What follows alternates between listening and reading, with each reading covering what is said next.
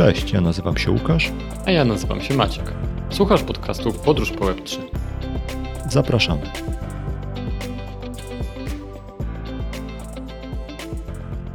Cześć wszystkim, bo dzisiaj nagrywamy we trójkę. Mamy naszego pierwszego gościa w podcaście, Maćka Krasowskiego. Dla ułatwienia mamy dzisiaj dwóch Maćków, więc jak ja będę mówił Maćku, to będzie to mogło być albo do jednego, albo do drugiego, ale ponieważ rozmawiamy dzisiaj z Maćkiem Krasowskim, to załóżmy, że Maćku będę zwracał się do Maćka Krasowskiego. Cześć Maćku.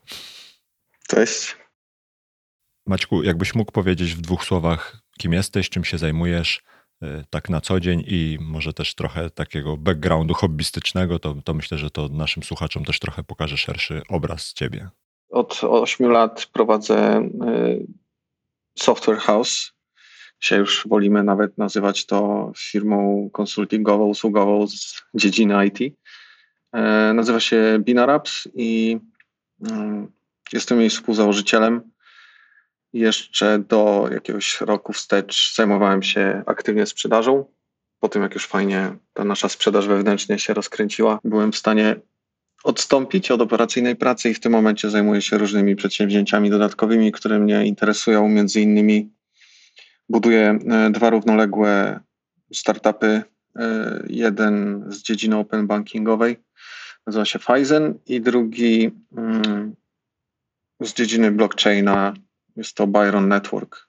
Przede wszystkim blockchain Cardano.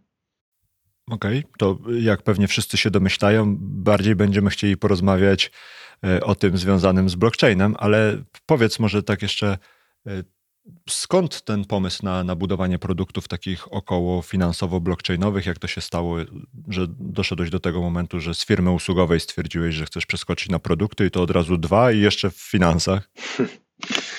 E, wiecie co, no Byron wyszedł z przypadku, on nie miał powstać. E, w sensie przynajmniej nie planowałem go, natomiast e, tak się złożył. No, wiele, wiele elementów się złożyło na to, że była szansa, żeby go uruchomić, więc wziąłem tę okazję. Wcześniej powstał pomysł Fizena i Fizen, Fizen gdzieś już pod koniec 2020 e, roku chodził mi po głowie, ale zaczęliśmy go w 2021 w maju tak naprawdę. I to się wiąże z tym, że mieliśmy, mm, że ja miałem dużo styczności i doświadczenia z e, fintechem w Binarapsach. Mm, poznałem bardzo wiele ciekawych osób, nauczyłem się wielu nowych rozwiązań, nowych technologii, podejścia e, do, do rozwiązań mm, okołobankowych, fintechowych. Mieliśmy też jednego klienta, który robił podobną rzecz, którą robi teraz Fizen. No i tak e, w pewnym momencie zauważyłem, że, e, że PSD2, czyli ta, ta cała dyrektywa europejska opisująca, jak powinny banki zachować się w, w sytuacji udostępniania danych i możliwości inicjalizacji płatności, zauważyłem, że w centralnej i wschodniej Europie za bardzo nie ma podmiotów, które wystarczająco dobrze pokrywają. Takich integratorów, które połączyłyby się z bankami wszelakimi jak leci i później e, za pomocą endpointa API gdzieś udostępniały tę możliwość połączenia.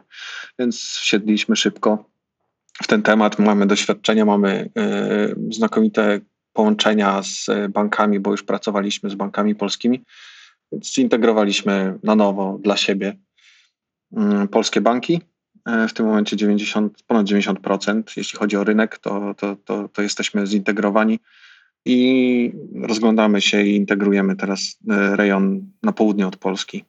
Czyli tam mhm. Czechy, Czechy, Słowacja, Bułgaria, Rumunia, Chorwacja i tak dalej. Czekamy też na wpis do rejestru, bo złożyliśmy papiery już w listopadzie, mm, żeby stać się, żeby zostać wpisanym do rejestru e, AISP. No i spodziewamy się zaraz E, tej licencji. No i model biznesowy to w zasadzie podłącza, e, możliwość podłączenia się klienta, który potrzebuje się podłączyć do banków. Podłącza się do nas, korzysta z naszej licencji i niczym się więcej nie przejmuje. Okej, okay, a dla naszych słuchaczy, którzy mogą mieć mniej styczności z, takim, z taką infrastrukturą, jaki jest wasz taki modelowy klient, który może skorzysta, skorzystać z waszego rozwiązania? Co wam, co dostarczacie takiemu klientowi? Jako bazę dostarczamy przede wszystkim to połączenie właśnie razem z licencją. To jest ta wartość e, bazowa, czyli klient Zapytałeś, jaki to mógłby być klient, więc przyjmijmy, że jest to klient, który udziela pożyczek finansowych w aplikacji mobilnej na przykład. Nie? No jest parę takich, no, nie wiem, Wonga, Vivus i tak dalej. I to, taki klient może skorzystać z, z, z, dyrektywy PSD2, w ogóle z Open Bankingu, który po, powstał gdzieś tam, uruchomił się tak naprawdę w Europie w 2019 roku, gdzieś we wrześniu ta dyrektywa weszła w życie.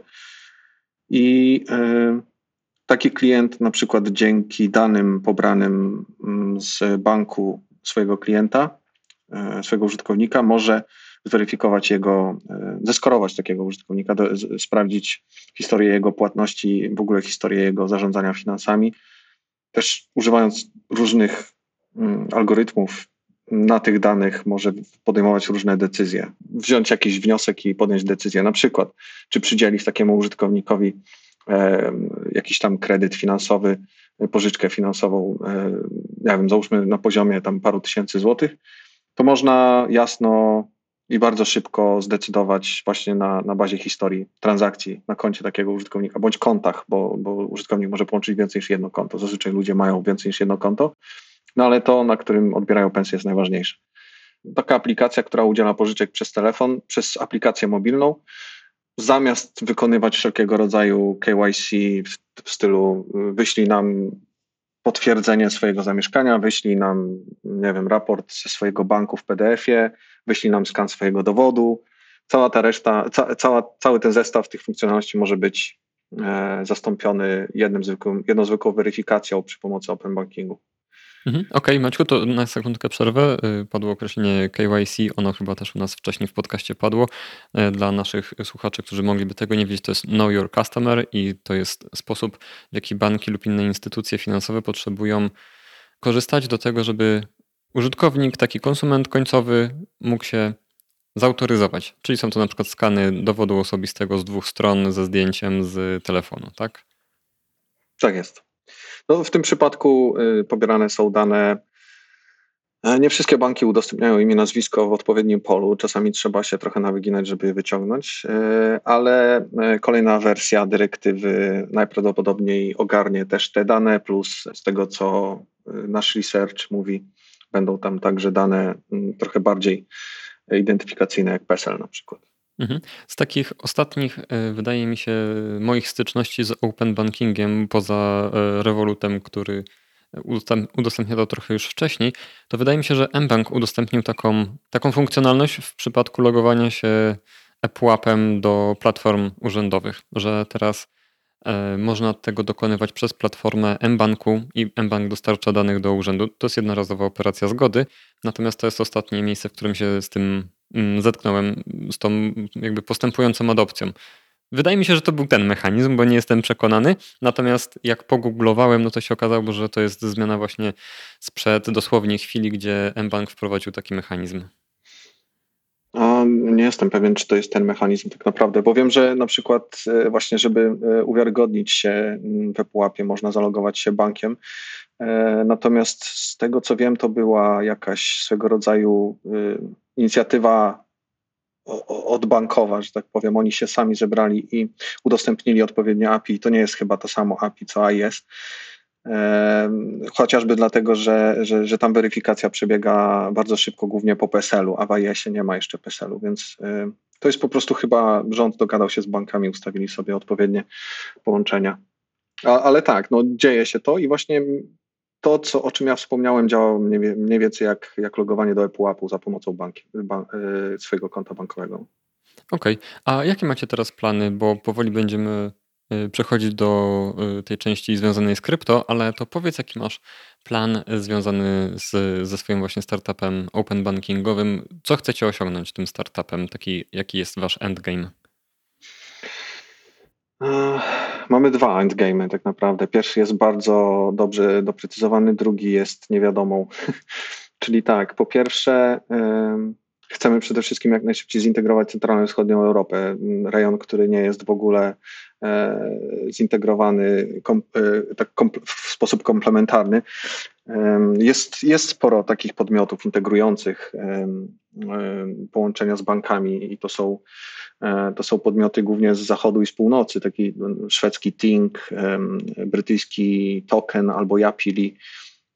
W Danii ostatnio też zresztą fajna akwizycja poszła, startup AIIA, tak się nazywa, czy to jest chyba jakiś akronim, został sprzedany do Mastercarda. Znowu Tink na przykład został kupiony przez Visa za 2 miliardy dolarów, co jest w ogóle niesamowitym wynikiem. No i trochę też na, tym, na tych informacjach oparta jest nasza strategia, ta pierwsza bazowa, czyli jak najszybciej, jak, naj, jak najbardziej komplet, komplementarnie zintegrować centralną wschodnią Europę, czyli Polska, wszystko co na południe od Polski, plus ewentualnie kraje nadbałtyckie, chociaż one już dobrze są pointegrowane. I wtedy spróbować um, rozejrzeć się za, um, za jakimś mergem, może za jakąś akwizycją, zobaczyć, jak nas wycenia rynek. Na ten moment e, startupy open bankingowe są bardzo ciekawie wyceniane, ale nie wiadomo, co się wydarzy za, za jakiś tam rok czy półtorej. Tak mniej więcej planujemy być mm, w pozycji e, całego pokrycia centralnej Europy. A drugim naszym celem jest tak naprawdę przyglądanie się, e, przyglądanie się temu, co robi regulator, bo regulator może dużo namieszać. Musimy na bieżąco śledzić, co tam Unia Europejska szykuje przy trzeciej wersji PSD. Plus rozglądanie się, co może się przydać naszym klientom, co może się przydać końcowym użytkownikom, w jaki sposób też e, moglibyśmy mm, polubić się z blockchainem, bo to mi ciągle siedzi też z tyłu głowy. Teraz nie jest aż tak bezpiecznie e, stricte fintechowy, okołobankowy startup łączyć z blockchainem, bo E, to może trochę grozić e, marketingowo, PR-owo. Natomiast też są regulacje, prace regulacyjne nad, nad to się nazywa MICA, MICA i Unia Europejska chce dość mocno uregulować kryptowaluty i blockchain, więc to może być też szansa dla nas. No i taki pivocik pivot, nie wiem, w którymś kierunku, być może w kierunku B2C nawet na bazie platformy, którą budujemy, jest możliwy. Wszystko zależy od tego, co będzie potrzebne. Super. To trzymamy kciuki w takim razie za open banking. A to w takim razie przechodząc trochę, bo też nawiązałeś do tego, że może by to pożenić, może lepiej tego nie żenić, bo to trochę messaging by się może trochę bardzo, trochę, trochę się rozpłynąć. To przechodząc do Twojego projektu krypto opartego o Cardano, powiedz, jak to się stało, że nie planowałeś, a zbudowałeś e, Byron Network?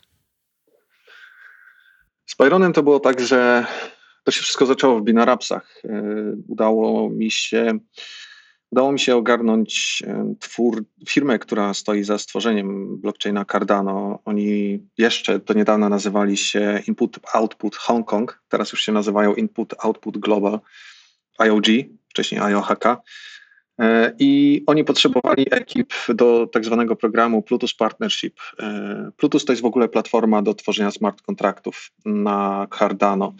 E, tak jak jest, załóżmy, platforma oparta o Solidity, czyli nowy język na Ethereum do tworzenia, znaczy powstały specjalnie na, na potrzeby Ethereum do tworzenia smart kontraktów, tak jest w Cardano jest platforma Plutus i tam się korzysta z Haskella.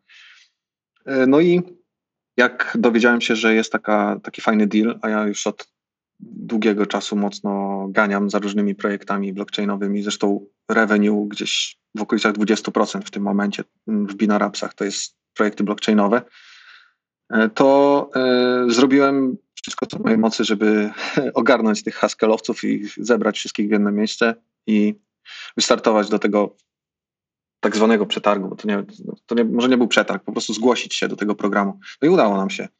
W sensie udało mi się zebrać czterech haskelowców, bardzo fajnych ludzi, do dzisiaj razem działamy i, e, i oni są częścią Byrona właśnie, ale udało mi się wygrać ten deal i tam w tym dealu trzeba było wybrać sobie jeden z pięciu przykładów DeFi'owych aplikacji, którą chcemy wykonać na Plutusie, jako taki use case dla nich. No, IOHK zebrało fundusze z Catalista, to jest taki DAO Treasury, E, zebrali fundusze właśnie na ten program Plutus Partnership, no i z tych, z tych funduszy opłacali firmy takie jak Binance.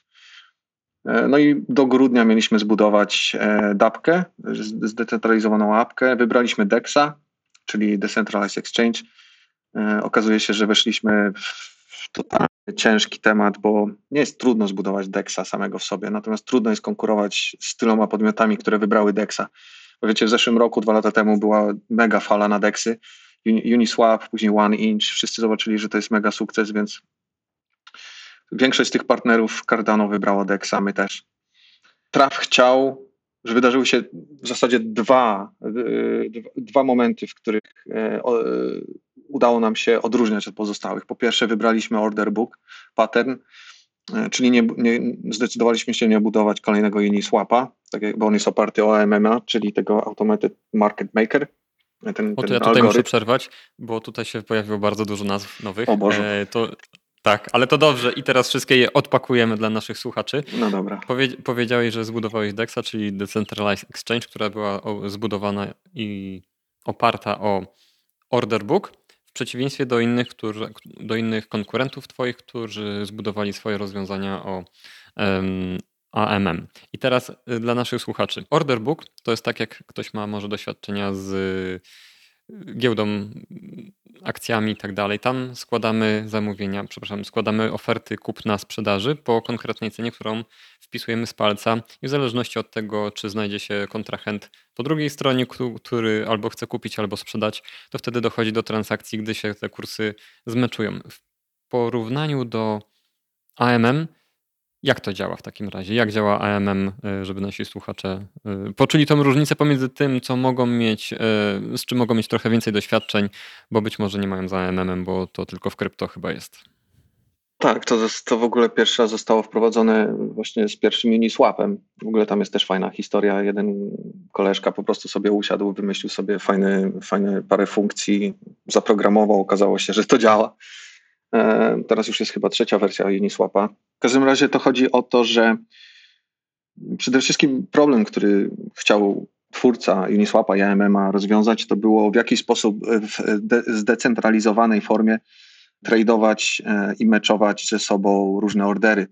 Czyli tak naprawdę bidy lub aski, tak? czyli y, ktoś chce kupić, ktoś chce sprzedać i w jaki sposób zrobić to tak, żeby była totalna decentralizacja, żeby nie było e, żadnego podmiotu scentralizowanego, który zajmuje się meczowaniem. Tak to wygląda w CEX-ach, czyli w scentralizowanych giełdach. Możecie w Polsce chociażby BitBay tak działa, e, teraz już oni się inaczej nazywają, Zonda Każda giełda, Binance tak samo. Także e, tutaj chodziło o to, żeby znaleźć sposób na, na, na zdecentralizowaną wersję tego. No i to, to, to, to, polega na tym, że tworzony jest tak zwany liquidity pool, czyli w sposób algorytmiczny um, zbalansowana para dwóch tokenów, która, um, która uzupełnia się w zależności od wykorzystania. I wtedy ktokolwiek chce zamienić akurat z tej pary jeden token na drugi, składa order i ten liquidity pool po takim orderze, czyli po, wyciągnie, po wsadzeniu tej jednej strony pary, a po wyciągnięciu drugiej strony pary się, e, się balansuje.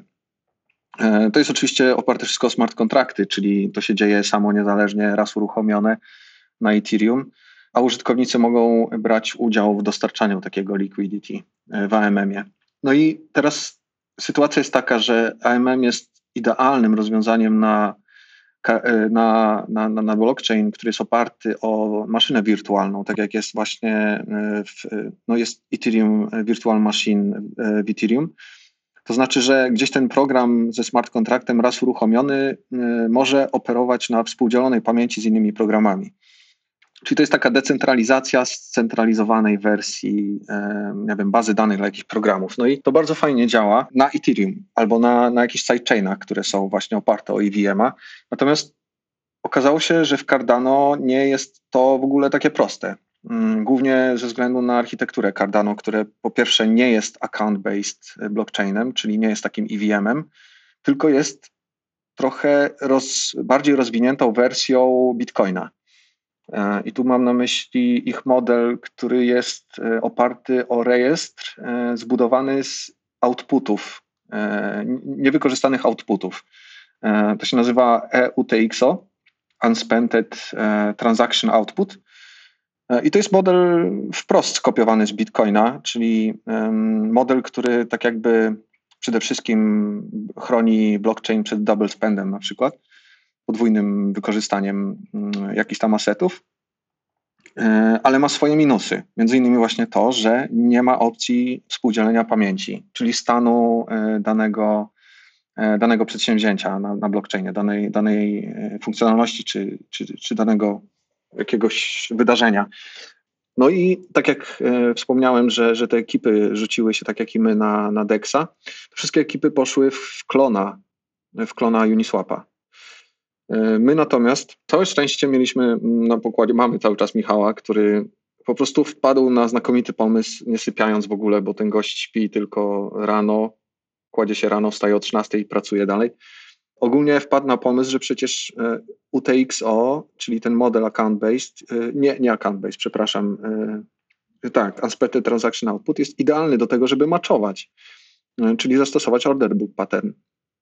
Można sobie wyobrazić w postaci takiej, może na szybko wytłumaczę, jak transakcja w takim modelu UTXO, to chodzi o to, że tak jak w Bitcoinie, chodzi o to, że jeżeli wy macie, posiadacie swój adres w wallecie, to tak naprawdę wasz adres e, jest referencją do wszystkich outputów, które są niewykorzystane i wiszą sobie w rejestrze w blockchainie. Blockchain się tworzy w ten sposób, że e, zachodzi pewna mm, transakcja, to zapisuje się dokładnie e, historia, który output został użyty do której transakcji, a następnie jest on Czyli tak naprawdę output poprzedniej transakcji jest inputem kolejnej transakcji. I teraz, żeby wiedzieć, jaki jest balans waszego konta, to blockchain musi przelecieć przez wszystkie outputy, jakie istnieją i, i zebrać te, które są przypisane do was, sumować wszystko, co tam się dzieje i wtedy ci wyświetla balans. Na Ethereum jest to trochę inaczej zbudowane, o wiele y, prościej. I teraz, kiedy są te outputy, one są przypisane do właściciela, to my wymyśliliśmy, że trzeba po prostu te outputy traktować jako ordery na giełdzie. E, właściciel inicjuje swoje outputy, bo tworzyć outputy można w nieskończoność. Możesz, jeżeli masz jeden output, który posiada 100 ADA, na przykład ADA to jest kryptowaluta Cardano, to możesz to podzielić na milion outputów po jakąś tam część ADY, nie? E, szybką matmę trzeba by zrobić. No w każdym razie wtedy tworzymy tak jakby strukturę malutkich outputów, które mogą zostać zmaczowane z malutkimi outputami po drugiej stronie, kiedy ktoś chce zamienić na na przykład jakiś token na Adzie, bo na Adzie też można tworzyć tokeny, to, to jest ważne, tak jak to się robi na Ethereum. I po prostu powstaje w pewnym momencie sytuacja, w której my się zajmujemy tak naprawdę taką grą outputami, nie? Czyli my, my, my łapiemy outputy, które są przypisane do jakiegoś użytkownika z jednej strony, z drugiej strony te outputy ze sobą maczujemy i e, jeżeli są e, odpowiednio ze sobą dopasowane, to robimy swapa, powstają nowe outputy już z zamienionymi wartościami e, i tokenami i one są przypisywane z powrotem do właściciela. Jedyny problem jest taki, że trzeba zmaczować w jakiś zdecentralizowany sposób, czyli tak no, ten matchmaker, który też istnieje w CEX-ach, i drugi problem jest taki, że Cardano niestety y, przez to, że jest architektura jaka jest, powoduje, że zachodzi tak, zwany congestion, że my w tym momencie blokujemy jeden output, kiedy chcemy go wykorzystać, nie? bo nie da się z jednego outputa wykorzystać w wielu transakcjach. On po prostu musi być wykorzystany tylko w jednej. Okej, okay, a czy ja dobrze teraz rozumiem, przepraszam, że przerwę, że ten jeden output, czyli ten jeden wynik tej e, transakcji, który ktoś ma na przykład 100 ADA i chciałby sprzedać 50 ADA, to po pierwsze musi być podzielony na to, co ma być sprzedane i na to, co ma zostać na e, wallecie tego sprzedającego i żeby znaleźli się kupcy, no bo to też nie musi być transakcja jeden do jednego, tak? Ja sprzedaję, ty kupujesz, prawda? Tylko ja sprzedaję, a ty z Łukaszem kupujecie jeszcze w różnych proporcjach, bo każdy z was może chcieć inną ilość zakupić mojego 50, moich 50 ADA. To w takim razie to 50 ADA, które ma podlegać sprzedaży, dalej jest na przykład dzielone, tak jak powiedziałeś, na bardzo wiele jednostek, które de facto, żeby mogły y, funkcjonować na blockchainie, to muszą być podzielne, tak, żeby dało się odmierzać taką jakąś niewielką ilość y, po to, żeby zmeczować z większą ilością kupujących. Czy ja dobrze w dobrym kierunku w ogóle rozumuję? Tak, tak. To od tego się zaczynało też, zaczęło się nasze rozumowanie. W jaki sposób zrobić tak, żeby, e, żeby nie był jeden wielki output, który jest blokowany, tylko żeby zrobić z niego e, setkę albo tysiące malutkich outputów, które będą e, mogły być użyte przez innych w tej transakcji. No i tutaj pojawia się problem taki, znaczy problem, no generalnie to jest taki, lubię mówić, że to nie jest problem, tylko challenge. Tak, takie trochę jak coacherskie gadanie, ale generalnie jest tak, że Cardano ma swoje zasady, które jednak są po to, żeby zabezpieczać ten blockchain, a my mm, one nam przeszkadzają w, w, funkcjonowaniu. By było o wiele prościej, gdyby nie to na przykład, że każdy output transakcji musi zawierać minimum jedną adę. Nie? To jest jeden problem e, i trzeba mieć mnóstwo kasy, żeby stworzyć tysiąc outputów, bo trzeba mieć tysiąc AD i posadzić po jednej adzie w każdym z outputów. To z tego względu, żeby nie opłacało się spamować sieci. Więc to jest jedna rzecz, którą, z którą się męczymy. E, znaczy męczymy, już mamy rozwiązanie bardzo ciekawe na to. Drugą rzeczą jest to, że tak naprawdę te outputy trzeba, mm, trzeba nimi zarządzać i to musi być w sposób zdecentralizowany, nie? No bo co nam po tym, że tworzymy DEXa, skoro postawimy na cloudzie w AWS-ie jakiegoś matchmakera, który będzie sobie te, te ordery meczował. To nie o to chodzi. No i tutaj pojawia się drugi problem, który e, przez co sieć sieć w tej postaci, w pierwszej warstwie e, jest, y, y, jest zamula po prostu, jest, y, zawiesza się. Tam nie da się zrobić więcej transakcji niż paręnaście na sekundę. To też jest charakterystyka blockchaina. No, tam 20 sekund na stworzenie bloku, e, i później no, przez te 20 sekund może output być użyty tylko przez jedną jednostkę i tak dalej. Więc bardzo ważnym elementem w, całej, e, w, całej tym, w całym tym procesie developmentu Cardano jest kolejna tak zwana era, czyli ten, mm, bo Cardano, development Cardano jest podzielony na ery. I w tym momencie mm, jest era, która wiązała się ze smart kontraktami i decentralizacją, a następna era to jest, czyli tak zwana Basho era, ona będzie związana z, ze skalowaniem, z budowaniem e, opcji na off-chain, e, na, może nie na off-chain, tylko bardziej na sidechain na wykorzystanie sidechainów do tego, aby odciążyć główny chain. To, to, dokładnie to, co się dzieje w Ethereum, tylko że w każdym razie, żeby, żeby każdy rodzaj e, modelu blockchaina działał razem z Cardano. Więc... Mhm.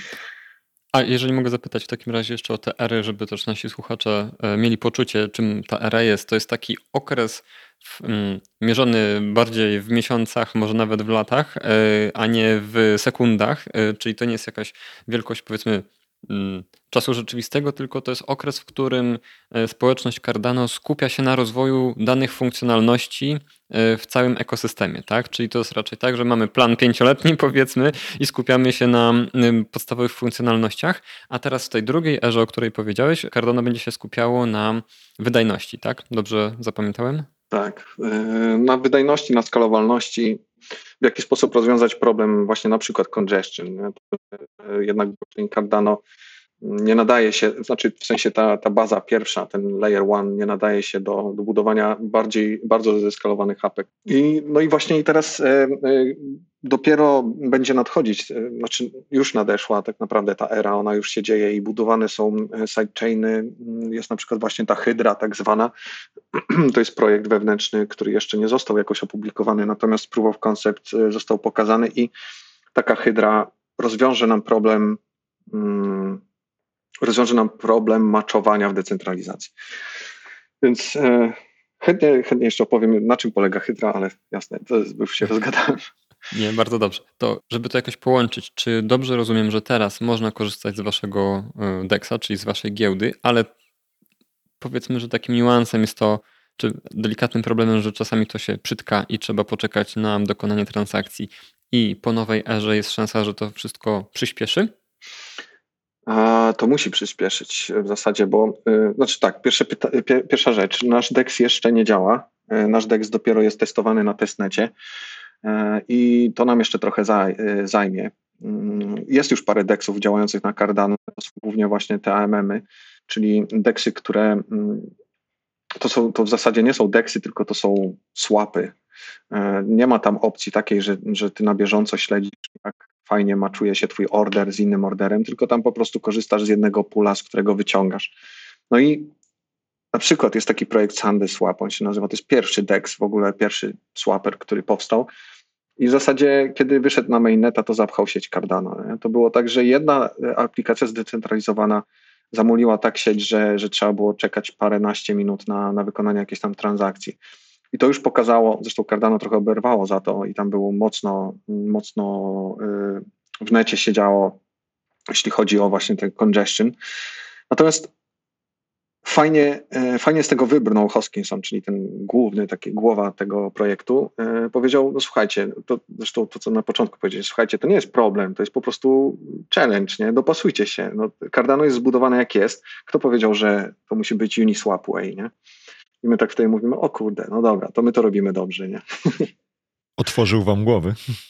No, no, to było takie właśnie, fakt, no, możemy, możemy stworzyć całkowicie nowy, nowy koncept, nie? To nie musi być dokładnie kopia Uniswapa przecież, nie? To Maćku, a powiedz w takim razie, y, gdzie wy na tej roadmapie jesteście i co jest za wami, a co jest przed wami, jeśli chodzi o Byrona? Za nami jest zbudowana, znaczy mamy już wypuszczoną, wyrealizowaną aplikację mobilną. Y, Jest to non-custodialny wallet do Cardano. Na razie w wersji 1.0.0, y, czyli minimalna, minimalny zestaw funkcjonalności, natomiast już zbieramy bardzo fajną rzeszę użytkowników, fajny feedback.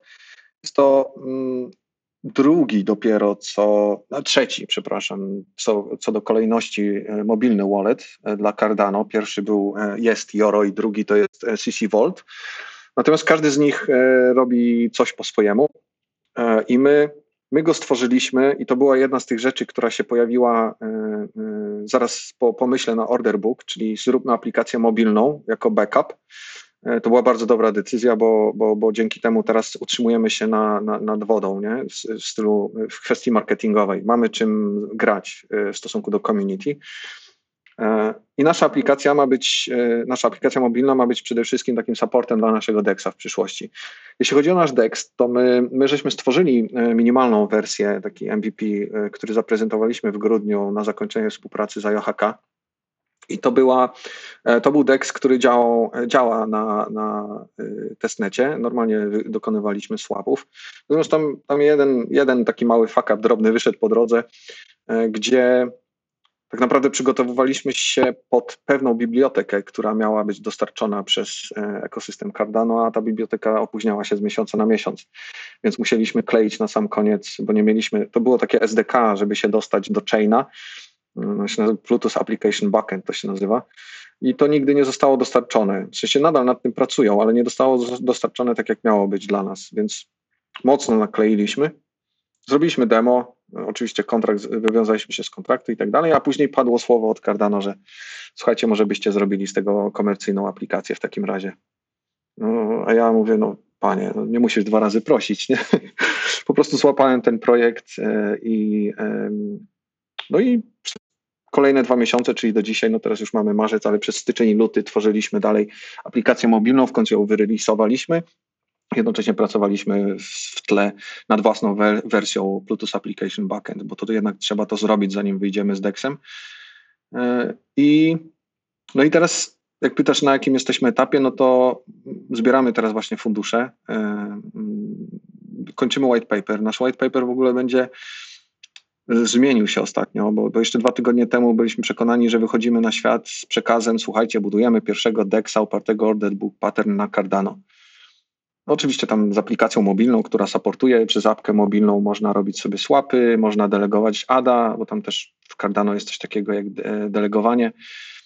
E, No i generalnie jakoś właśnie nie, niecałe dwa tygodnie temu usiedliśmy do tego projektu i wpadł nam szalony pomysł, żeby może jednak zrobić coś więcej, żeby nie gonić jednak w tym wyścigu deksów, bo, bo jest bardzo tam ciasno, wręcz wiesz, wiecie, to jest takie prześciganie się w ogóle w jakichś marketingowych zagrywkach, ogłaszanie czegoś, później przesuwanie tego, a my naprawdę chcemy tutaj owalić coś, coś takiego powiedziałbym e, długoterminowego, więc przyszło nam do głowy, że skoro i tak budujemy order book pattern e, i e, deksy wszystkie dookoła męczą się z tym liquidity tak naprawdę i póki jeszcze nie ma drugiej warstwy, którą zresztą zanim powstanie to e, trochę minie, a później jak powstanie to jeszcze trzeba to zaadaptować, to może usiądźmy do stołu razem z Cardano i stwórzmy tę drugą warstwę razem z nimi pod nasz liquidity e, e, order, on-chain e, order book, nie? No i wymyśliliśmy właśnie finalnie, teraz mega mużdżymy nad tym, żeby white paper skończyć i pójść do inwestorów, żeby stworzyć taką, taki protokół, warstwę, mm, warstwę, warstwę gotową do, do bycia użytą przez właśnie wsz- wszelkie dapki, nie tylko wsz- wszystkie aplikacje, które chcą po prostu zamieniać asety między sobą, ale w sposób ekspresowy. tak od razu, nie, nie to, żeby czekać te paręnaście minut, bo zapchana sieć.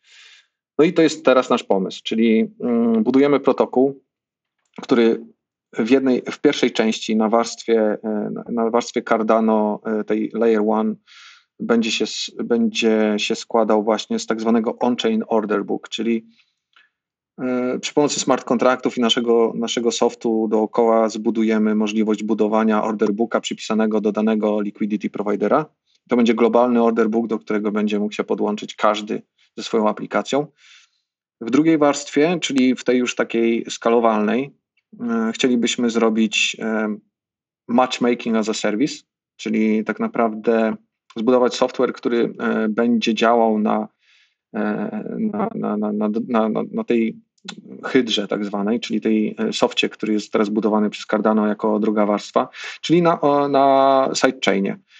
E, I e, nasz DEX i nasza aplikacja mobilna ma być softem, który mm, jest takim use case'em, proof of concept, tego, że nasz protokół ma sens.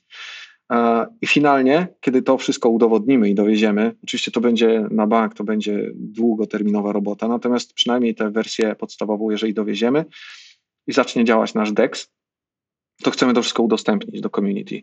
Czyli dać im taką możliwość, żeby złapali nasz kod, naszego DEXa, postawili sobie swojego DEXa, zmodyfikowali go tak jak chcą, podłączyli się do naszego on-chain order booka i po prostu z miejsca uruchomili y, zdecentralizowaną aplikację na Cardano. Żeby tak... dobrze zadać to pytanie. Byron Network jako y, DEX, w którymś momencie wyewoluuje do. Nazwałeś to. Um... A, matchmaking as a service, tak. Okej, okay, nazwałeś to matchmaking as a service i teraz Byron będzie tym matchmakerem as a service przeciwieństwie do tego, czym był planowany i teraz otworzycie to dla społeczności, które będą mogły sobie stawiać klony swoich giełd. Po to, żeby trochę widzę to tak, że to byłoby, byłaby to taka centralizacja, no bo as a service będzie jedno, e, klony będą korzystały z tego. Mm, e, z tego serwisu. Trochę to jest takie przewrotne, bo w tej całej decentralizacji wracamy do centralizacji. No. No właśnie i dlatego no ja tego użyłem tak bardziej obrazowo, a za serwis, a tak naprawdę to ma być coś w stylu e, weź to i pomóż nam w decentralizacji, bo to jest, my nie chcemy e, robić usług meczowania, dać soft, który e, ludzie będą mogli wziąć i sobie go dopasować pod własne potrzeby i używać order booka, on-chain order booka, czyli tych UTX-osów, czyli tego całego mięsa do tego, żeby sobie maczować.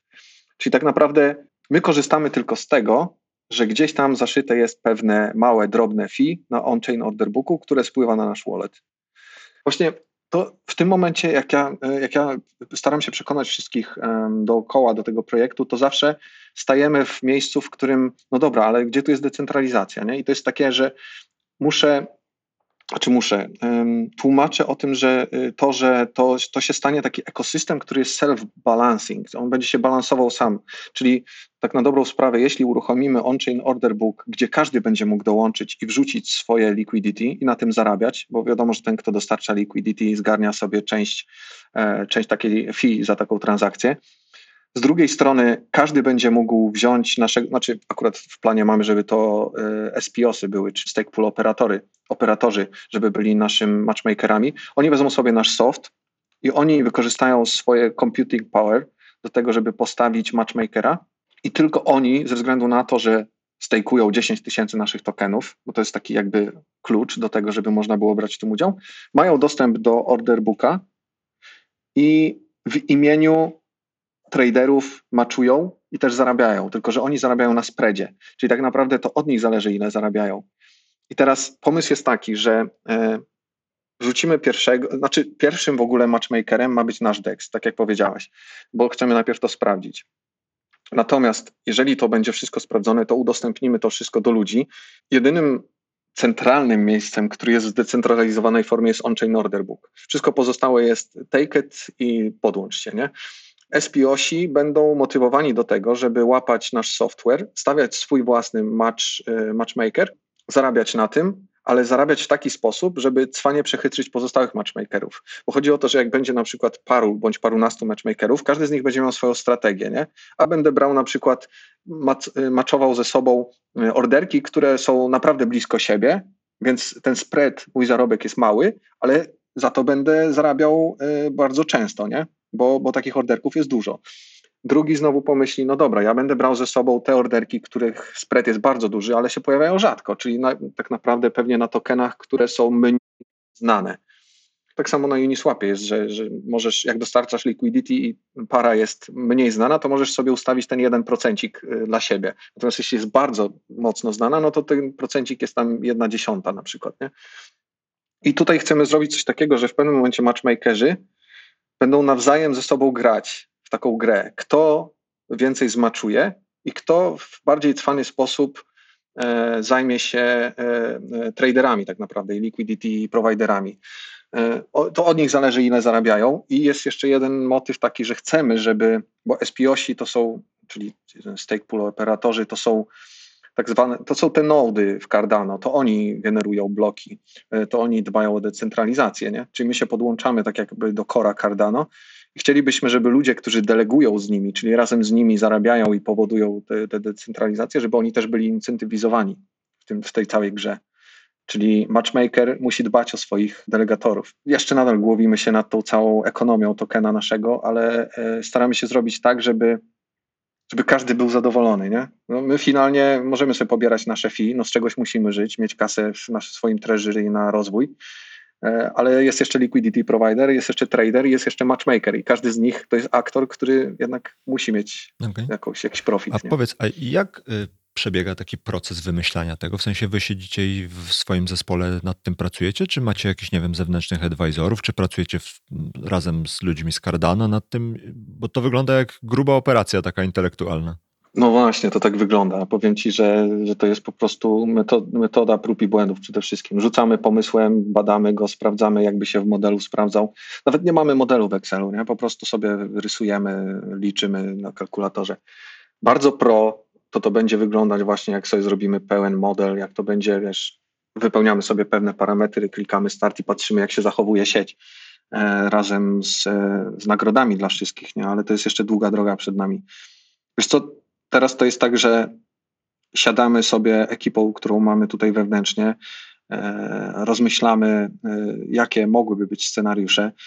Też wspieramy się wiedzą advisorów, jest parę osób z nami, które nam adwajzują, którzy mają doświadczenie w różnych projektach, głównie tutaj z Polski. Też nasz projekt Byron Network podpisał, ostatnio podpisaliśmy papier z e, Okamfi, czyli to jest taki launchpad mm, projekt, taki, mm, rozmawialiśmy o tym wcześniej, to jest taki Kickstarter dla projektów e, blockchainowych i z nimi też podpisaliśmy papier i oni mega nam pomagają. Natomiast sama tokenomia nie interesuje nikogo dookoła, oprócz e, użytkowników. W sensie inwestorzy mówią, dobra, zrobicie tokenomię taką, która ma sens, to git, nie? My to bardziej e, zastanawiamy się tutaj, gdzie, gdzie jest ten przychód, nie? I czy to jest long term.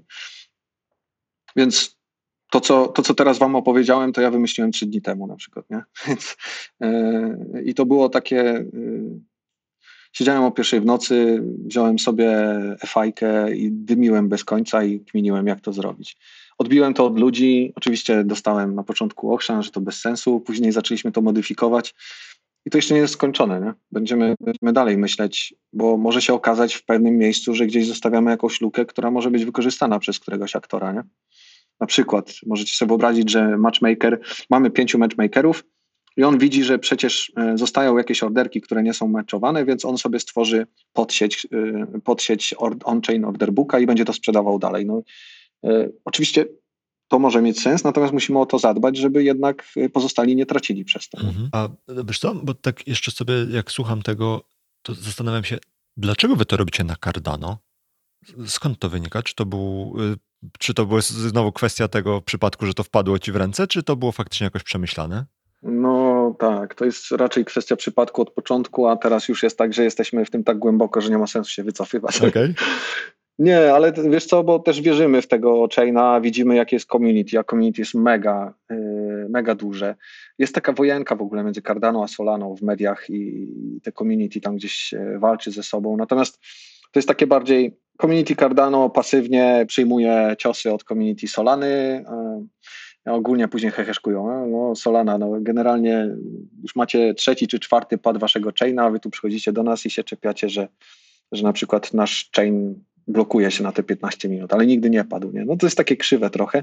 No generalnie mega community, SPOsi, o których wspomniałem, bo oni są bardzo ważnym elementem. To jest, to jest coś takiego, że e, Cardano jest zbudowane na e, konsensusie Delegated Proof of Stake. Czyli tak naprawdę to jest Proof of Stake z tym dodatkiem dele, delege, delegacji, tak, że tak powiem. Czyli tworzą się nody, które oczywiście przechowują, tak jak w każdym blockchainie, przechowują e, całą historię blockchaina się dogadują. Natomiast tym mocniejszy node i tym większe prawdopodobieństwo, że będzie generował blok, jeżeli e, im, im więcej e, użytkowników ADY z nim deleguje, czyli tak jakby przypisuje mu jego, e, swoją ADę do niego. To, to, nie jest tak, swój wallet, to nie jest tak, że nie możesz wtedy korzystać z ADY, bo to nie jest w żaden sposób przesyłane, tylko jest taka specjalna funkcjonalność delegowania. Robisz taką referencję, nie? że ja jestem z nim, dajesz znać sieci, że jesteś z nim, więc ten node ma mocniejszą siłę przebicia. No i tych SPOsów to są prawdziwi ludzie, prawdziwe biznesy, to są ludzie, którzy e, tworzą swoje własne community. Wyobraźcie sobie, jest SPOs, który e, e, chyba Carden Pool się nazywa i to jest Włoch, który wymyślił, że on będzie zbierał tylko tych ludzi, którzy wierzą w zieleń na świecie i on na przykład przeznacza kasę na sadzenie drzew. Nie? No i on w ten sposób ogarnia e, do delegacji tych ludzi, którzy wierzą w, w, takie jakieś sustainability e, ekologiczne. Nie? Jest na przykład SPOS, e, który to jest bardzo dobrze z nim żyje, nawet ze Stanów Zjednoczonych koleś nazywa się 420, nie? No to, to jest w ogóle taki synonim zioła, że tak powiem. Nie? No i facet rzeczywiście, on za każdym razem jak robi kola ze swoimi e, delegatorami, to oni sobie jarają, oni sobie gadają o, o życiu, o świecie, o... No, to brzmi jak wiecie, community tak... wśród community się tworzą. Dokładnie, tak? dokładnie. I my to właśnie zauważyliśmy, że jak chcesz być do, mocno obsadzony w community, to musisz być obso, mocno obsadzony wśród SPOsów, czyli tak naprawdę dawać im, e, dawać im wartość. Nie? To oni wtedy się odwdzięczą. Mam dwa pytania, które y, teraz mi przyszły do głowy. Pierwsze pytanie, czy gdyby los cię pokierował inaczej, trafiłbyś na Solanę albo na Ethereum, to nie znalazłbyś tam tego wszystkiego, o czym teraz mówisz? To jest pierwsze pytanie. A drugie pytanie, będę bardzo ciekawy, jak można stać się takim SPOS-em na Cardano? Skoro oni są tacy ważni, no to jak można się nim stać? Okej, okay, to odpowiem, odpowiem Ci szybko na pierwsze, bo w zasadzie jest odpowiedź szybka. W sensie, jeśli, jeśli by mi wpadł zamiast IOHK, deala z IOHK, na przykład deal z Solaną bądź z kimkolwiek innym, to brałbym. E, I możliwe, żebym się wkręcił i też prowadził, robił to, co teraz robię. Więc duży, dużo szczęścia w tym wszystkim, że znaczy z perspektywy mojej, że, że to jest Cardano, bo teraz wiem, że to, jest, to był dobry krok. E, tylko byłyby po prostu inne wyzwania. Nie? Tu mamy takie wyzwania, jakie mamy, czyli order book pattern na, na UTXO i tak dalej. W Solanie jest to całkiem inaczej, tam w ogóle oni po swojemu wszystko budują. Ja nie mówię, że to jest zły projekt, natomiast to jest całkiem inne podejście. Ja szanuję to, co jest tutaj. Nie? W ogóle to community, ci SPOsi, którzy no, to są niesamowici ludzie. Mm, w sensie jednoczą się, działają w różnych sferach. To jest, to jest naprawdę zajebiste. A jeśli chodzi o to, czy zostać SPOS-em i jak, to, to w zasadzie to jest otwarta informacja na stronach Cardano i może zostać nim każdy. Tu chodzi tylko o to, żebyś mógł dostarczyć po pierwsze y, computing power, czyli tak naprawdę musisz postawić noda, który odpowiednio jest skonfigurowany i bierze udział w sieci, a po drugie y, musisz y, zrobić wszystko, żeby jak najwięcej użytkowników delegowało razem z tobą AD. Im więcej masz wydelegowanej AD, tym masz większe prawdopodobieństwo na to, że staniesz się wydobywcą bloku, y, a wiadomo, ten, który ten blok wydobywa, to zarabia nagrodę. Nie? No i później tą nagrodą się dzielisz ze swoimi delegatorami i tak dalej. Okej, okay, czyli żeby nasi słuchacze też to tak mogli sobie wyobrazić, Node to jest taki fest komputer, a fest komputer musi być dlatego, że trzeba dokonać y, ciężkich obliczeń i na tym polega cały blockchain, żeby był trudno hakowalny właśnie przez to, że trzeba zużyć dużo prądu, który jest zamieniany na dużo obliczeń, po to, żeby to wszystko było drogie do hakowania. a delegatorzy są potrzebni po to, żeby taki node, żeby na takiego noda de facto głosowali. Dobrze to rozumiem, że de delegatorzy swoje środki, swoje ady delegują, czyli jakby tak, tak. wirtualnie prze przekazują, jak, jak, głosy wyborcze. I ja no jestem tak. z tym go gościem, bo on mi się podoba, bo to, co robi, jest spoko, ja mu ufam, tak? Tak, czyli i ty to... jesteś zapisany w rejestrze, że delegujesz z nim. Właśnie bo ważne jest to, żeby zrozumieć, jak, jak, jak zbudowane jest Cardano na, na, na te takie, wspomnieliśmy o epokach, nie? Epoka to jest bardzo duża mm, taka, znaczy nie epoka, tylko era, przepraszam. Era to jest bardzo duży rozdział w e, sieci Cardano w developmencie. E, schodząc niżej mamy różne inne działy. Zacznijmy od dołu, że blok jest generowany co 20 sekund na przykład, nie? E, I są sloty jeszcze w tych blokach. E, dodatkowo powyżej bloku masz tak zwaną epokę, czyli y, a to dobrze mówię, epoka. Epoka to jest 5 dni mniej więcej. I epoka to jest zbiór slotów, bądź y, no, zbiór slotów tak naprawdę. I epoka to jest podstawa e, liczenia mm, różnych rzeczy, wydarzeń w Cardano. Czyli na przykład nie mówisz, że raz na tydzień coś się dzieje, tylko dzieje się coś raz na epokę. I teraz, jak ty delegujesz z jakimś gościem, z jakimś SPOS-em, to delegujesz od epoki do epoki. Czyli jeśli wskoczysz do niego, to jest tak jak wypowiedzenie umowy z, z działaniem na koniec miesiąca. Nie? Czyli jeżeli wskoczysz do niego w danej epoce, to nie zarobisz nic. Dopiero zaczniesz zarabiać od kolejnej pełnej epoki. Nie? E, I e, to jest. E, dążyłem do tego właśnie, że wtedy pełnoprawnie dany delegator, znaczy dany SPOS może używać wydelegowanej, tak jakby wydelegowanych głosów e, i on zdobywa moc przerobową na to, żeby zarabiać. No, każdy może to zrobić, każdy może postawić. No najważniejsze, jakie masz plecy, nie? Idealnie, to jest właśnie to, co oni powymyślali, e, SPOsi niektórzy. Idealnie jest zebrać community, które ma wspólny cel, nie? Na przykład, nie wiem, odbudowywanie zieleni na świecie, bądź, nie wiem, jaranie zioła, nie? No, dokładnie. Okay, czyli potrzebne są dwie rzeczy. Duży komputer i trochę przebicia marketingowego, żeby zebrać i skrzyknąć wokół siebie y, like-minded people. Do, tak, no ja, ja, uważam, że to jest teraz najlepsza droga. Można spróbować w, in, w inny sposób, natomiast w, ten, w, tym momencie, no nie wiem, jest parę SPO-sów, którzy są z Polski i targetują się tym, że, że, że są z Polski, a w Polsce Cardano jest dość mocne, więc na tym też można wygrywać. A powiedz, ile z tych rzeczy wiedziałeś, jak wchodziliście w ten projekt y, y, odnośnie Cardano? W sensie tak, y, wiesz, ideologicznie i technicznie ile z tych rzeczy wiedziałeś, a ile wyskoczyło w trakcie i cię zaskoczyło i mm. zdziwiłeś się? Wiedziałem może 5% tego, co wiem dzisiaj, a wiem, że dzisiaj nie wiem wszystkiego, więc jest jeszcze mnóstwo rzeczy, których muszę się nauczyć o tej sieci.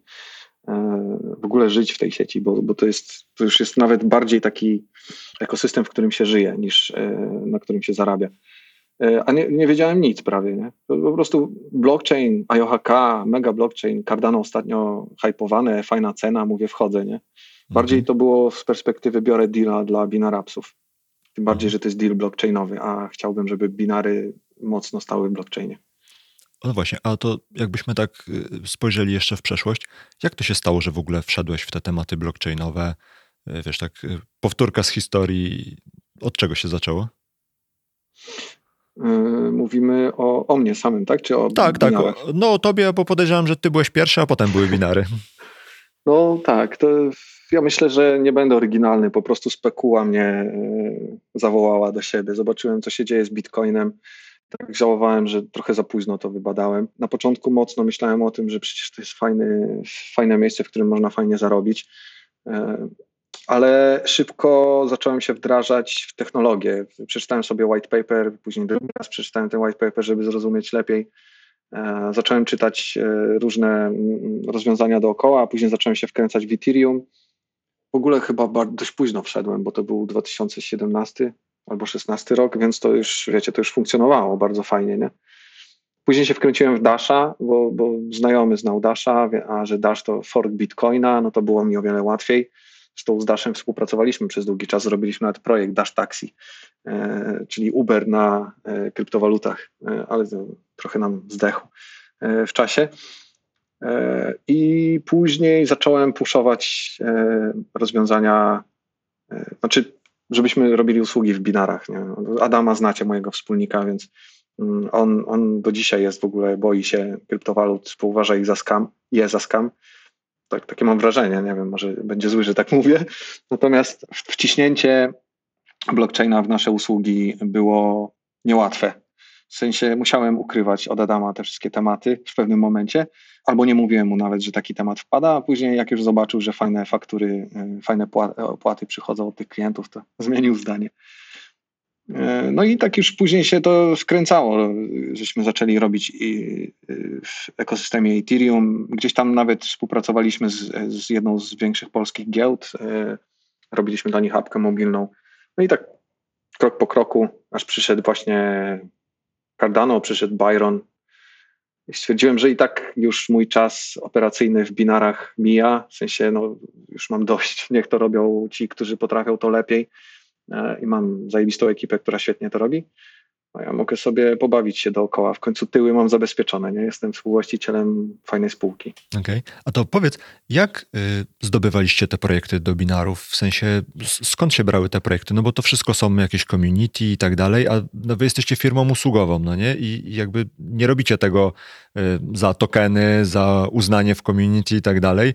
Więc skąd się brały te projekty i, i jak je zdobywaliście albo zdobywacie dalej? No to już, to już weszlibyśmy w sposób zdobywania leadów e, w binarach. Outreach bardzo dużo nam dał, taki czysty, mm, czysty outreach do potencjalnych klientów z jakimś fajnym przekazem. Oczywiście, żebyśmy nie trafili do spamu, e, czy to LinkedIn, czy mailing. E, w pewnym momencie poprosiłem nasz dział marketingu, żeby się skupił na projektach blockchainowych i żeby zaczepiał ich, że po prostu słuchajcie, mamy dostępne mocy przerobowe e, nie tylko w software development, ale też w consultingu czy, czy w UI-u, w UX-ie. E, no i tak wiecie jak to jest, no, spróbujesz tysiąc razy, no to jeden się skusi na rozmowę. No i spróbujesz takich rozmów 100, no to jeden się skupi na współpracę, więc to jest takie mrówcza robota u podstaw, ale udało się zdobyć parę fajnych projektów. E, no i później już daliśmy sobie spokój z outreachem, bo to wiadomo, to jest, no można to nazwać w zasadzie spamem. E, oczywiście trzeba było to robić z głową, nie? Żeby, żeby nie spamować, e, ale później to już było takie, jedna ekipa poleciła nas do, w drugie miejsce, w trzecie miejsce, w czwarte miejsce. Trzeba dowozić po prostu i robić pro. No i też jednocześnie rynek sprzyjał, nie? bo kryptowaluty coraz bardziej były i blockchain był coraz bardziej rozpoznawalny, a devów było coraz mniej albo dowów wolnych było coraz mniej, tak. Okej, okay. czyli de facto to się niczym nie różni od pozyskiwania każdego innego klienta, tylko tyle, że szukaliście klientów w tym obszarze blockchaina i, i, oni zgadzali się na to, że nie musicie, nie wiem, wchodzić do community albo zgadzać się na to, że płatność będzie w jakimś tokenie, tylko po prostu normalnie na komercyjnych zasadach zlecali wam pracę, tak, żeby przyspieszyć no, jakiś development swoich, czy to aplikacji, czy jakichś innych rzeczy, tak? Mhm. No mi się jeszcze nie zdarzyło w sumie, żeby Chociaż ten projekt za Austrii, Minerwę robiliśmy i oni, oni rozliczyli część e, pracy w tokenach z nami, ale to dlatego, że mocno wierzyliśmy w ich projekt. Wierzymy nadal, więc wzięliśmy tokenów, żeby potencjalnie e, zyskać. Natomiast to jest tak, e, rzadko się zdarzało prawie w ogóle oprócz tej Minerwy, że ktoś proponował tokeny w zamian za usługi. To było takie, tokeny się raczej proponuje tym, z którym chcesz się spartnerować, bo, bo im ufasz, nie? Okej. Okay. A były jakieś takie historie w stylu, ktoś był zadowolony ze współpracy z wami i chciał was w całości albo w części wciągnąć, żebyście właśnie byli takim jakimś zapleczem technologicznym jakiegoś projektu albo czegoś większego? Masz na myśli w całości, że całe Binaraps, czy tak, ten tak, team albo, akurat? No albo team, albo, albo jakiś dział, albo całe Binaraps. Znaczy, no całe Binaraps, żeby wciągnąć, nie wiem, nie mieliby tyle jest, roboty, nie? Tak, 170 osób dzisiaj, no załóżmy, że to było te 50 czy 60 wtedy, no to no właśnie, nie, nie, potrzebowali całego. Natomiast team, no to, to się zdarza non stop. Wiesz, jakieś, zależy też od partnera, z którym współpracujemy, czy to jest bardziej zaufany, czy nie, ale takie pod, podszczypywanie nas non stop się zdarza. Zresztą sami wiecie, jak to działa nie, w tej branży, mhm. niestety.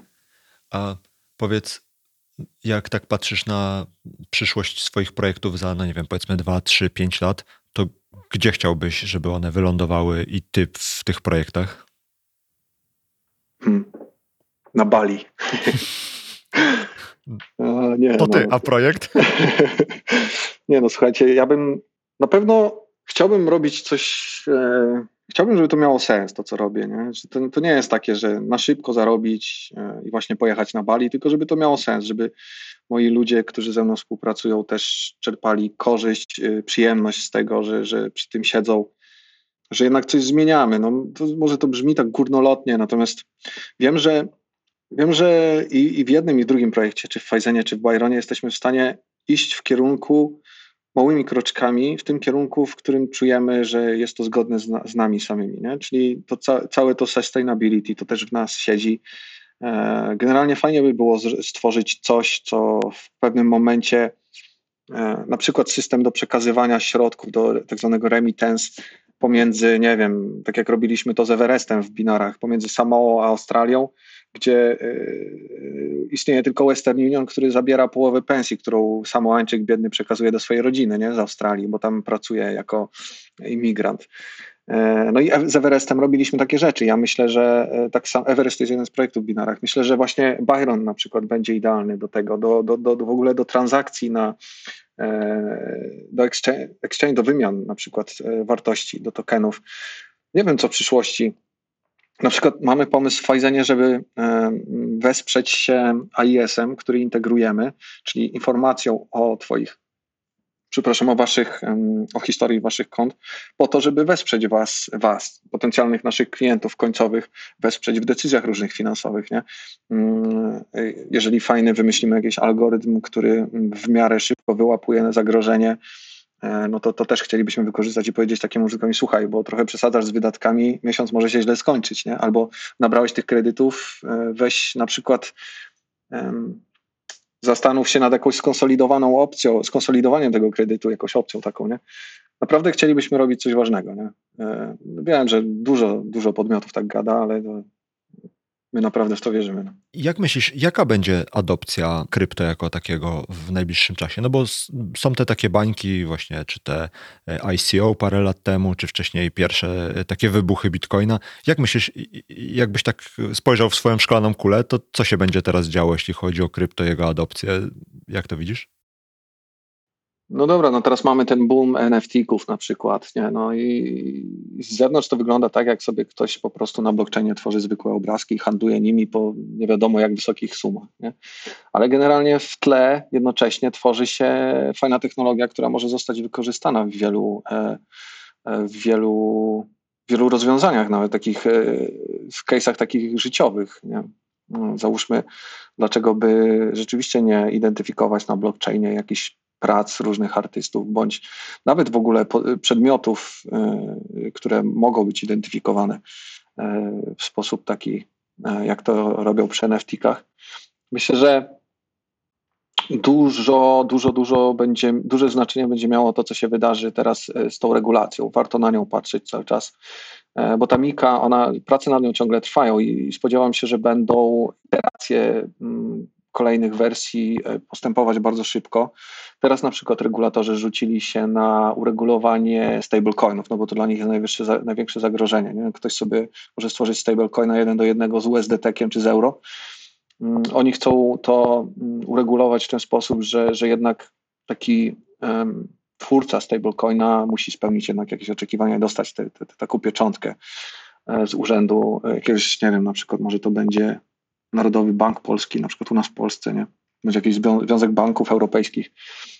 E, później e, już teraz od dawna w zasadzie zajmują się mocno tym e, tematem związanym z tokenami i z jego utility, a później security, nie? Czy, czy, czy to są security tokens, czy nie, no bo generalnie nikomu nie, nie pasuje ze, ze starej gwardii, tak to nazwijmy, żeby e, w blockchainie były odzorowywane udziały w firmach, przynajmniej na razie, póki regulacje jeszcze nie, nie są dobrze opracowane. Ja bym powiedział, że na razie byśmy, na razie chyba przyszłość, w przyszłości będziemy stosować, e, robić wszystko, żeby korzystać z blockchaina e, w takim utility, nie security, a jednocześnie będziemy widzieć coraz większe zaangażowanie większych biznesów.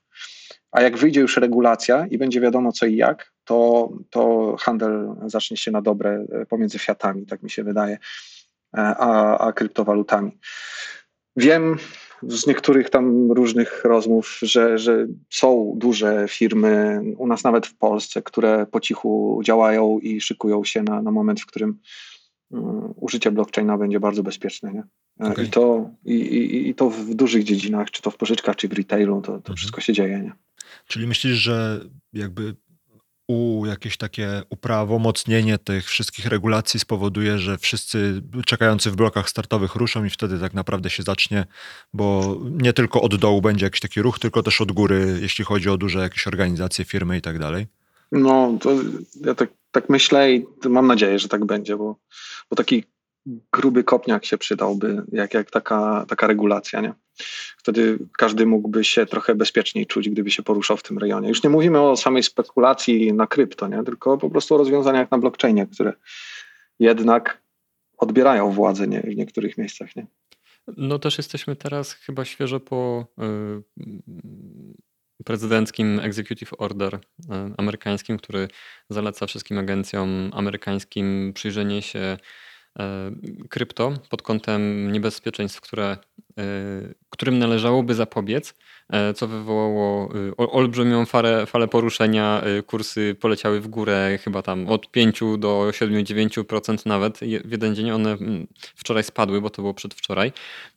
Także zaczyna się chyba coś topić, tak?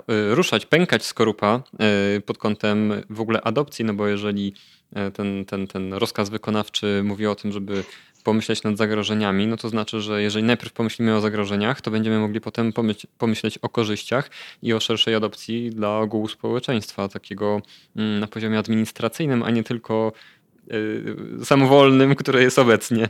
Mm. No, masz rację. No, generalnie ja się nie zdziwię, jak zaraz już tak głośno będzie mowa o tym, że Stany Zjednoczone e, pracują nad, nad wersją stablecoina swojego takiego centralnie i siłowanego, wydawanego, nie? Tak jak to ten cały elektroniczny yuan w, Hisz w Hiszpanii, chciałem powiedzieć, w Chinach. Mhm. Huan, elektroniczny Huan. Tak. No dobra. Maćku, to powiedz, y, jeżeli ktoś będzie tego słuchał i, i, będzie chciał ci jakoś pomóc, albo coś go zaciekawiło z tych rzeczy, które mówiłeś, to gdzie cię znaleźć, jak ci można pomóc, co potencjalnie byłoby dla ciebie przydatne, jakieś takie wsparcie, pomoc, to, to daj znać. Okej, okay, no ja myślę, że wsparcie. No, Haskelowcy by mi się przydali.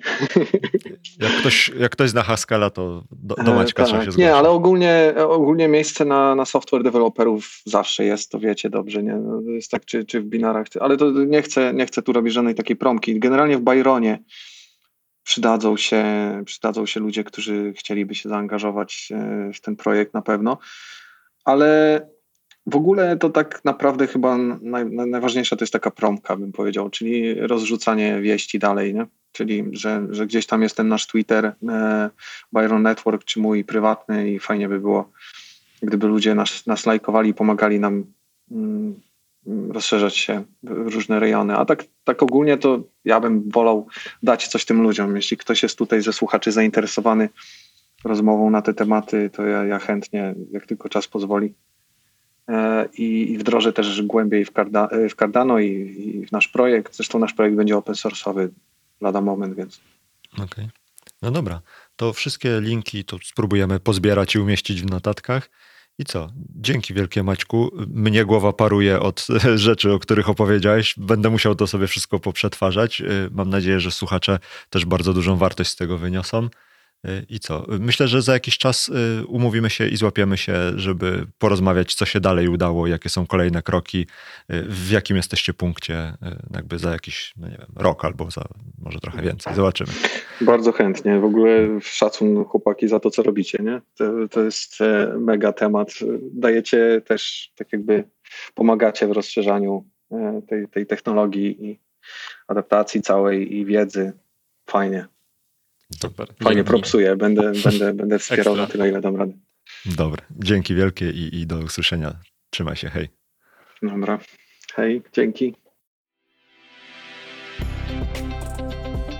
Dzięki za wysłuchanie kolejnego odcinka podcastu Podróż po Web3. Żeby nie przegapić kolejnych odcinków, pamiętaj, żeby zasubskrybować ten podcast w swojej aplikacji do podcastów.